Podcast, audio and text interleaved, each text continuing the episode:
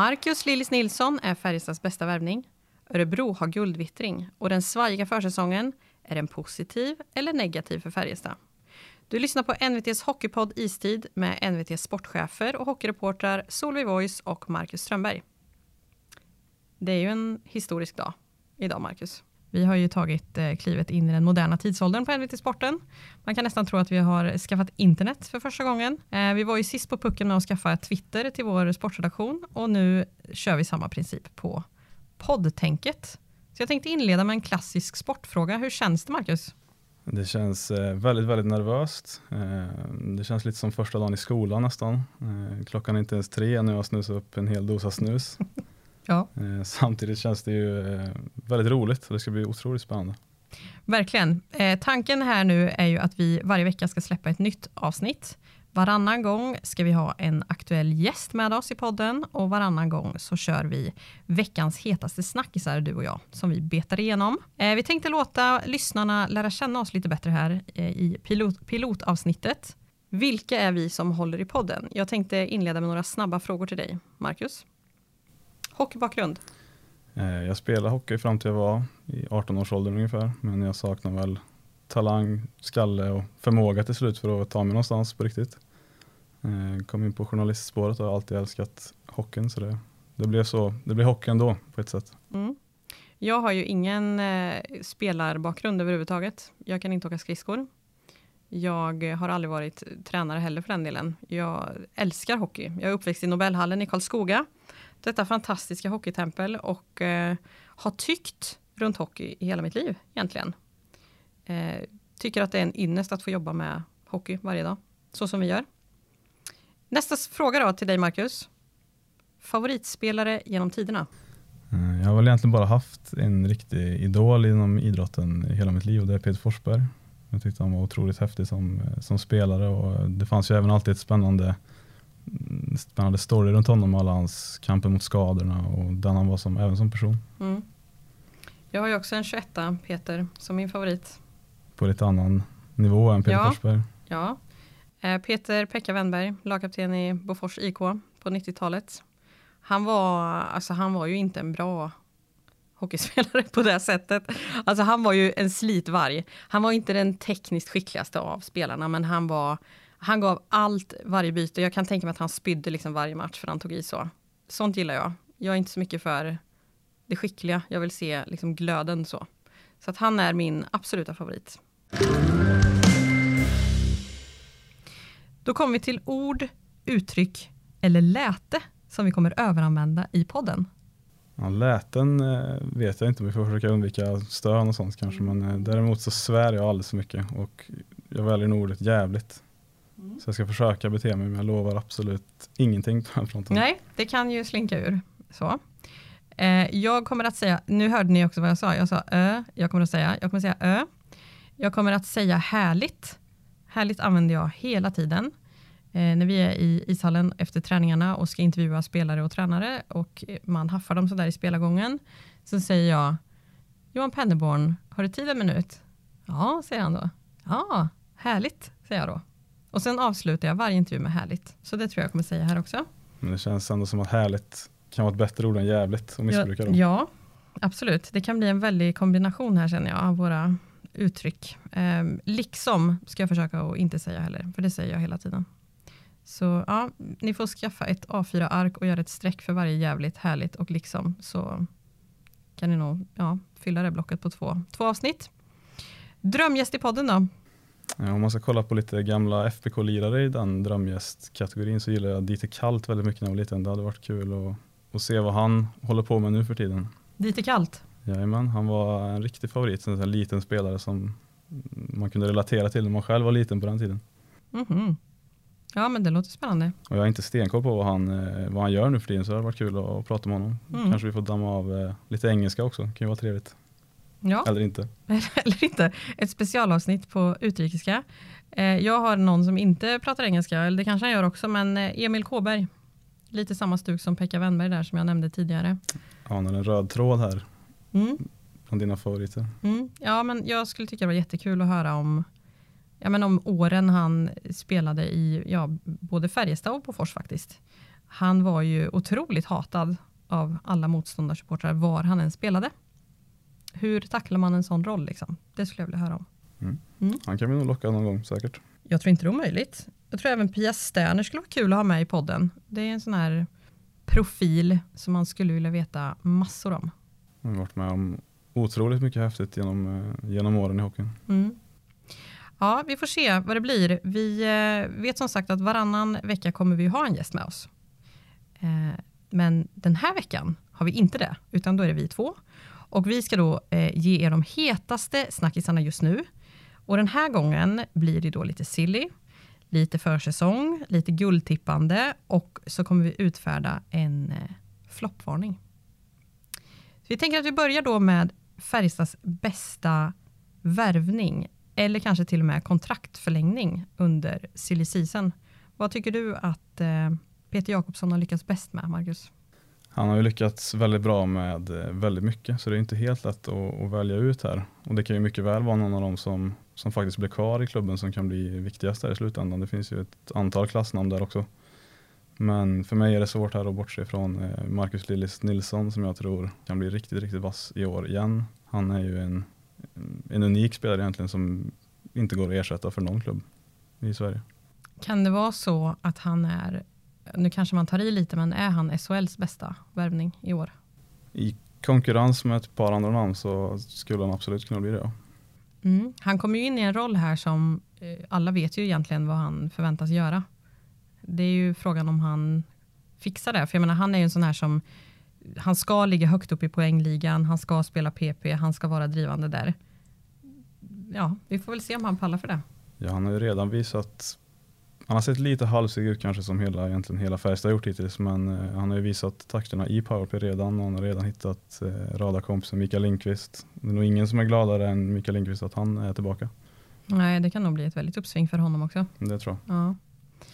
Ja, jag, jag tycker också Lillis är ett superintressant namn. Jag tror att det är en otroligt viktig spelare att bygga de här kommande åren på. För han har ju ändå tecknat för några år så att det, ja, det ska bli spännande att följa honom. Jag tänker ju på en annan person som inte är någon av de här superhemvändarna utan faktiskt en kontraktsförlängare i Per Åslund. Han, eh, han är ju inte den här som det snackas mest om kanske, men han kommer ju bli historisk i höst. Ja, bara den detaljen, eh, inte underskatta vad det betyder i kulturen runt laget och, och även honom som person. Att det är nog flera av de yngre spelarna som ser upp till honom och han levererar ju fortfarande och har potential att göra det fortfarande. I slutspelet tycker jag att han var en av de bästa spelarna på isen. Han var ju klockren och han avgjorde matcher och han var liksom, ja, jag tyckte han var superbra och nu, nu tror jag att han i det här stjärnbygget är jätteviktig i sin roll som kulturbärare som du säger. Att han är en av de här spelarna som ska utgöra den här ryggraden i klubben. Och han kommer ju bli, som jag sa, den meste genom alla tider. Eh, så att jag, ja, där, där tror jag var, eller jag vet ju, vi såg ju på sociala medier att det var väldigt många fans som var superglada när han skrev på. Ja, verkligen. Det, var, det är ju ingen som kanske kräver att Per Åslund ska göra mer än säg 30 poäng, men det är inte omöjligt att han faktiskt, eh, att han faktiskt gör det heller. Nej, verkligen inte. Verkligen inte. Och det är ju en, en person som kan smyga lite under radarn kanske. Ja, han försvinner ju lite i eh, all hemvändaryra som har varit runt, runt laget. Mm. Ja, jag tror att det var viktigt för Färjestad att få hans signatur eftersom ja, men hela den här sommaren när ingen egentligen visste någonting om hur förhandlingarna gick, när det blev locket på där efter ett tag, när han sen presenterades efter ja, men Jakob Rose och Nygårds signaturer, alltså Färjestad presenterade ju honom som en riktig prestigevärvning. Det var ju en superfin presentation när han i ett filmklipp där på sociala medier kommer gående över parkeringen vid Löfbergs Arena, ser Peter Jakobsson. Jag vet inte om de rörde varann på grund av corona, men det var liksom... Hade nog gärna varit en kram annars. Ja, det, ja men ja, det kanske till och med var en kram. Jag minns inte, men det var väldigt fint. Det var ett rörande ögonblick. Jag tror att många supporters kände att eh, ja, det blev lite blött i ögat. Ja, och det märktes ju på hela upplägget med allt hur det där presenterades, vad, vilken status Per Åslund har. Mm. Genom åren har ju han egentligen, han har ju flugit lite under radarn på många sätt med tanke på hans, med vilket facit han faktiskt har i klubben. Mm. En av få som har vunnit med Färjestad och vet vad som krävs. Ja, den här säsongen känns det som att den egenskapen blir jätte, jätteviktig. Att du har någon i laget som är kanske lite äldre än de andra, som ändå har gått hela vägen med Färjestad och, och vunnit och stått där på torget och vet vad det innebär. Ja, det blir spännande. Nästa snackis då som vi hade tänkt att eh, tugga lite om är vem vi tror blir den största floppvarningen i Färjestad. Det känns lite som att det här handlar om, eh, det handlar om förväntningar och vilka förväntningar som finns på spelarna. Att, eh, vi kan ta exemplet med Linus Johansson och Jakob Delaros som är två riktigt vassa hockeyspelare. Men kanske inte nödvändigtvis är de som går in och öser in 40 poäng i år. Eh, det beror lite på vad folk tycker om, säg att Linus Johansson gör 25 poäng och gör en, mm. har en roll där han spelar mycket boxplay. Är det, liksom, är det ett misslyckande då enligt, i folks ögon? I så fall är ju han en potentiell floppvarning. Sen säger inte jag att det nödvändigtvis är så. Nej, men det är ju så. Många av de här namnen förväntas ju ligga i... All, alltså, tittar man på hur det snackas så ska ju alla de här hemvändarna och kanske någon till ligga i liksom det absoluta toppskiktet i SHLs poängliga och det kommer de ju inte göra. Alla kommer inte göra det. Speltiden i till exempel powerplay 1, den räcker ju inte hur långt som helst. Så att flopprisken är väl kanske någon av de hög, högprofilerade namnen som mm. inte kommer få riktigt det utrymmet som de hade hoppats på kanske. Ja, det ska bli väldigt intressant att se hur de tar det i så fall. För det är ju ändå en, ja, men en handfull spelare som är absoluta, absoluta toppspelare egentligen i vilket lag som helst. Som kanske kommer att få vara, nöja sig och vara i tredje linan. Ja, han har ju upprepat redan eh, Peter Jakobsson eh, på försäsongen att om man inte klarar av den situationen så har man inte i Färjestad BK att göra. Och det kan ju, det kan ju låta lite hårt men han har ju samtidigt rätt. Verkligen. Jag är lite, jag ska inte säga att jag är bekymrad, men det finns ju ett visst frågetecken på målvaktssidan. Där skulle jag väl inte säga kanske det är en stor floppvarning, men det är i alla fall det är lite skakigt. Det har varit skakigt och det ser jätteorättvist att säga efter fyra träningsmatcher, men det har ju inte varit bländande än så länge och slutet av förra säsongen lämnade ju en del mer att önska. Ja, det är inte som att starten har eh, höjt förväntningarna på dem tyvärr, om man säger så. Då. Det har ju varit godkända insatser varvat med lite sämre ingripanden och det inger kanske inte det här riktiga förtroendet som man behöver. Inte riktigt än i alla fall. Sen hade ju Eh, Jesper Eliasson är ju jättespännande namn. Han är ung, han är oskriven, han kan mycket väl bli eh, bra. Han säger och hoppas själv att han ska kunna utmana Haukeland och det tror han ju helt rätt i såklart. Ja men verkligen, det är ju därför han är där. Och tittar man på Haukeland nu då, som vi sa, han har inte varit jättebra i de första träningsmatcherna, men det har å andra sidan ingen annan varit heller. Um, han går ju in nu i de kommande matcherna med tävlingsmatcher i ryggen, eftersom han har stått i norska landslaget i deras OS-kval. Så att han har ju ändå matchats lite mer nu på slutet och vi får väl se om det ger resultat. Ja, det blir ju kan ju riskera ju väldigt snabbt att bli väldigt mycket press på båda de här målvakterna om de inte levererar. Mm. Eh, så att båda två är väl egentligen lite beroende av en bra start. Det pratas ju liksom redan om bland många att Färjestad kommer inte avsluta den här säsongen med samma målvaktspar som man inleder den. Nej, samtidigt är det ju en sida där det finns en otrolig överraskningspotential om man ska säga så. Det är ju ingen egentligen som går att förvänta sig att de här två ska bli liksom lagets bästa lirare. Men jag kan tänka mig att de kanske tycker att det är en ganska skön situation. Att gå och motbevisa folk och experttyckare och poddare. Framförallt för en kille som, som Eliasson som, som igen har skyhög potential. Han är, han är 20 år, 21 år gammal. Haukeland kanske vi har vi har nog sett vad han har att, att erbjuda och det är en tre av fem målvakt i SHL. Men mm. Eliasson, där finns det ju i alla fall, tror jag, en potential. Du såg ju honom nu när han stod eh, i Hällefors den matchen de spelade mot Örebro och förlorade med uddamålet där efter förlängning. Hur såg han ut? Han såg eh, betydligt bättre ut än eh, han gjorde i sin debut i Strömstad, vilket man kan förstå med premiärnerver och, och allt vad det innebär. Men han, han såg trygg ut, han skötte sig riktigt bra. Han mm. var nöjd efteråt. Mm. det blir jättespännande. Den stora snackisen då på försäsongen, vad har det varit tycker du? Ja, vi har varit inne lite på det redan med målvaktsspel och, och resultat såklart. Men annars en snackis som redan börjar komma igång är ju, är Pennerborn verkligen rätt man att leda det här laget i en guldjakt? Eh, och här är man ju kanske, eller man är lite färgad eftersom man gillar Johan Pennerborn som person och hur han är med oss i media och hur han framstår och jag tror ju fortfarande att han är rätt person. Men samtidigt så pressen kommer att öka otroligt snabbt på honom om det börjar eh, börja lika dåligt som det har sett ut nu. Johan är ju en klok man. Han är ju helt medveten om de förutsättningarna som han och de övriga i tränarstaben har. Jag funderar på hur mycket tålamod har man i övrigt i ledningen i Färjestad? Alltså hur många matcher har Färjestad på sig att inom citationstecken underprestera i inledningen? Kommer man ha tålamod att det går fyra, fem, sex matcher, spelet hackar, det kanske blir en två, tre vinster i inledningen. Är det okej okay, eller vill man se fullt ös medvetslös från början? Eh, min känsla är att stödet internt för Johan Pönderborn är väldigt eh, starkt och det kommer nog absolut krävas mer än 5, 6, 7 matcher innan det på allvar börjar pratas om något sånt. Men är man framme i kanske i november och Färjestad ligger nia, då, då kommer det blåsa rejält runt, runt honom och även ja, hela klubben egentligen. Mm. Det var ju ett, ett väldigt uppmärksammat tränarskifte där i, precis innan slutspelet började. När eh, Gerion och Popovic fick lämna sina assisterande tränaruppdrag och det kom ju också i en timing där en del ifrågasatte ju den timingen. Är det lämpligt att göra det? Frågan är om, om det blir en rokad. Du säger november.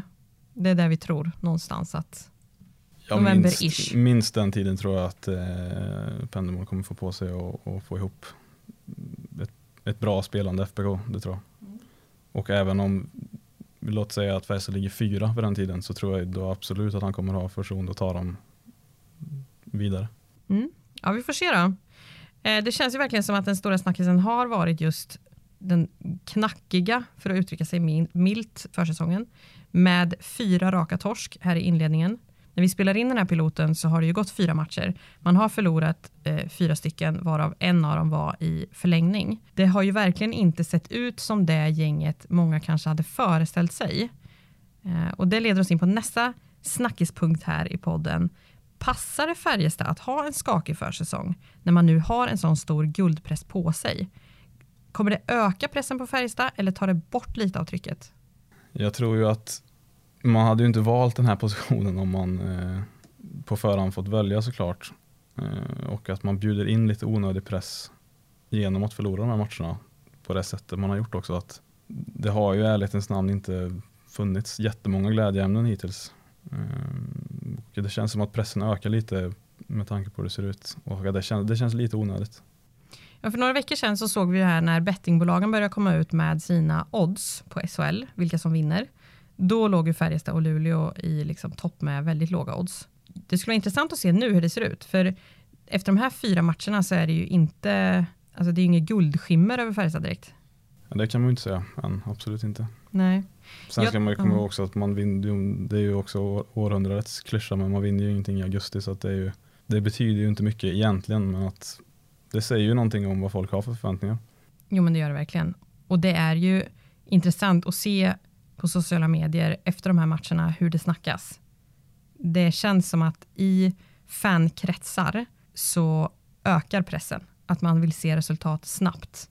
Men tittar man på en neutral omgivning som ja, men experttyckare på kvällstidningar eh, och liknande branschfolk, där kanske trycket blir lite mindre på Färjestad. Ja, och det är ju en, vad ska man kalla det, en svältfödd värmländsk publik som vid minsta egentligen tecken på att motgång så det tar som fart väldigt fort. Eh, det kommer ju såklart bidra till att, att öka den här pressen men säg två, tre segrar så, så kommer ju de här fyra vara glömda väldigt snabbt. Vilka vinner då SM-guld? Jag sticker kanske ut hakan lite här, men jag tror att Örebro har någonting eh, riktigt bra på gång. De var vassa förra året, de har en vass målvakt, de har sett bra ut på försäsongen två gånger mot Färjestad. Har en, en eh, hel bataljon finska spelare som ser bra ut. Um, ja, det känns farligt. Jag håller absolut inte med dig. Jag kan inte för mitt liv säga att Örebro, jag kan inte säga att Örebro är i final, det går inte, det tar emot. Jag är från Karlskoga och där Alltså Örebro är ju Mordor liksom. Det går ju inte. Så att jag kan inte säga att Örebro vinner SM-guld. De kommer inte vara på övre halvan. Det är ju helt utslutet. Du är ju ruskigt färgad i Kanske den här eh, något. Analysen. Men eh, nej, nej. De kommer inte spela om SM-guldet. Det kommer Färjestad och Luleå att göra, tror jag. Jag tror att Färjestad ändå håller för trycket. Kanske inte seglar sig fram genom hela säsongen lätt, utan det kommer säkert finnas en hel del stopp längs vägen. Men jag tror att Luleå Ja, jag tror Luleå kommer att vara den stora utmanaren faktiskt. De ser otroligt bra ut och har en jättebra målvakt också. Så att, men det finns ju faktiskt väldigt många lag i år som det snackas om. Även Frölunda målas ju upp som en rätt stor favorit. Det är ju det som är kanske det roligaste egentligen med, med årets SHL-upplaga, att det finns ett gäng lag som kan, som kan blanda sig i och vinna. Eh, då har vi inte ens nämnt Växjö som vann förra året till exempel. Nu har de kanske tappat lite men, men det finns ju ett, ett antal lag och jag tror absolut att Färjestad kommer vara med i, i toppen. Sen tror inte jag att det räcker till, eh, till guld i år heller. Räcker det till final då? Nej. Nej.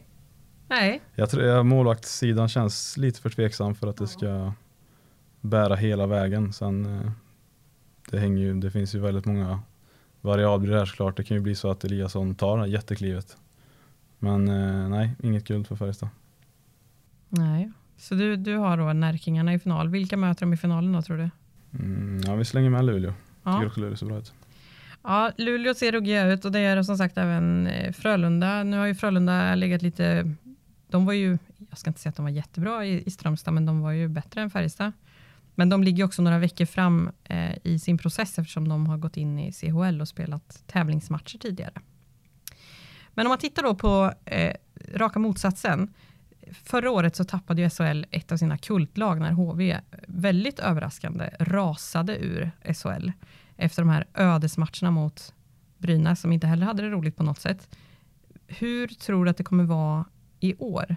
Finns det något lag, sådana här kultlag som kommer få lämna SHL i år också? Det är ju lätt kanske att nämna Brynäs som en, som en varning men jag tror inte det blir något eh, något kult eller klassiskt lag som åker ur. Däremot så känns eh, för min del Djurgården som en stor floppvarning. Med sin eh, tappa lite spelare, tagit in nya coachen Barry Smith som absolut inte är något oskrivet kort. Tvärtom, han är ju hur rutinerad som helst men kanske inte i svensk hockey och litet frågetecken för åldern där också. Det känns som att de kan bli mm, ja, det känns osäkert för Djurgården. Ja men verkligen. Det är ju ja, när man tittar på experttipsen så är det ett lag som det spekuleras ganska högt och lågt om. Det är ju ingen som egentligen har dem som varken tydlig favorit eller tydligt flopplag, utan de ligger och skvalpar lite upp och ner, upp och ner. Det, vi får se hur det visar sig. Även Linköping är ett sånt lag. Ja, som både harvar i övre, liksom, ja, de, de finns med i övre skiktet och också det undre när man tittar på olika förhandstips. Jag tror ju att det blir jag tror att det blir Brynäs som åker ur i år. Jag tippar ju inte Djurgården att åka ur däremot. Jag får säga sorry till Thomas Fröberg och Oskarshamn, men jag tippar att de åker ur även i år. Det har jag gjort ända sedan de gick upp, men det har inte hänt än, så vi får väl se om eh, han återigen kan eh, trolla där nere, Fröberg. Vad har du emot Oskarshamn då? Kan man ju fråga sig om du tippar dem dyngsist hela tiden. Jag tycker det känns som att eh, de har haft lite lite flyt. Första året var det med, med corona som stängde ner. Eh, klarade, gjorde en bra säsong, blandade och gav. Eh, men jag tror deras tid är förbi här nu några gånger. Det blir för svårt att konkurrera med övriga klubbars eh, ja, ekonomi. Och, även om de har gjort ett par spännande nyförvärv så känns det som att det blir tufft. Det är över för Oskarshamn. Ja, jag, tror, jag tror som sagt Brynäs. Jag tror även Timrå kommer få det väldigt kämpigt.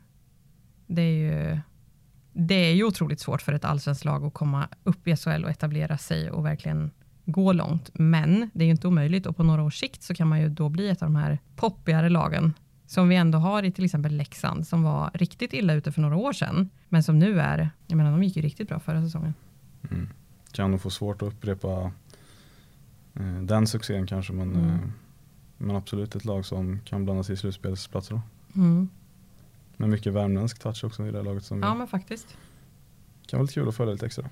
Ja, men verkligen. Sen får man ju se hur det går för HV då, om de kommer tillbaka upp nästa säsong. Frågar du 98 procent av våra lyssnare så hoppas de nog att de stannar där och kanske åker ner till division 1 också. Ja, det skulle jag tro också. Eh, ja, men då vet vi det att eh, i din värld så vinner Örebro, guld Yes. här i maj och i min så gör de absolut inte det utan det blir Färjestad eller Luleå, förmodligen Färjestad som står där faktiskt med Per Åslund längst fram med bucklan på torget.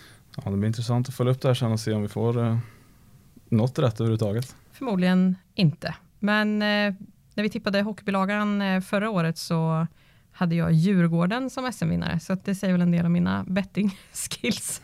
Betting är svårt. Ja, det är det. Ja, det var det vi hade för den här veckan med snackisar i vårt pilotavsnitt då av Istid. Ni får jättegärna gå med i vår Facebookgrupp och tycka till om poddavsnitten som eh, läggs ut. Om du har frågor som du vill att vi ska ta upp eller kanske fråga kommande gäster så får du gärna skriva till oss.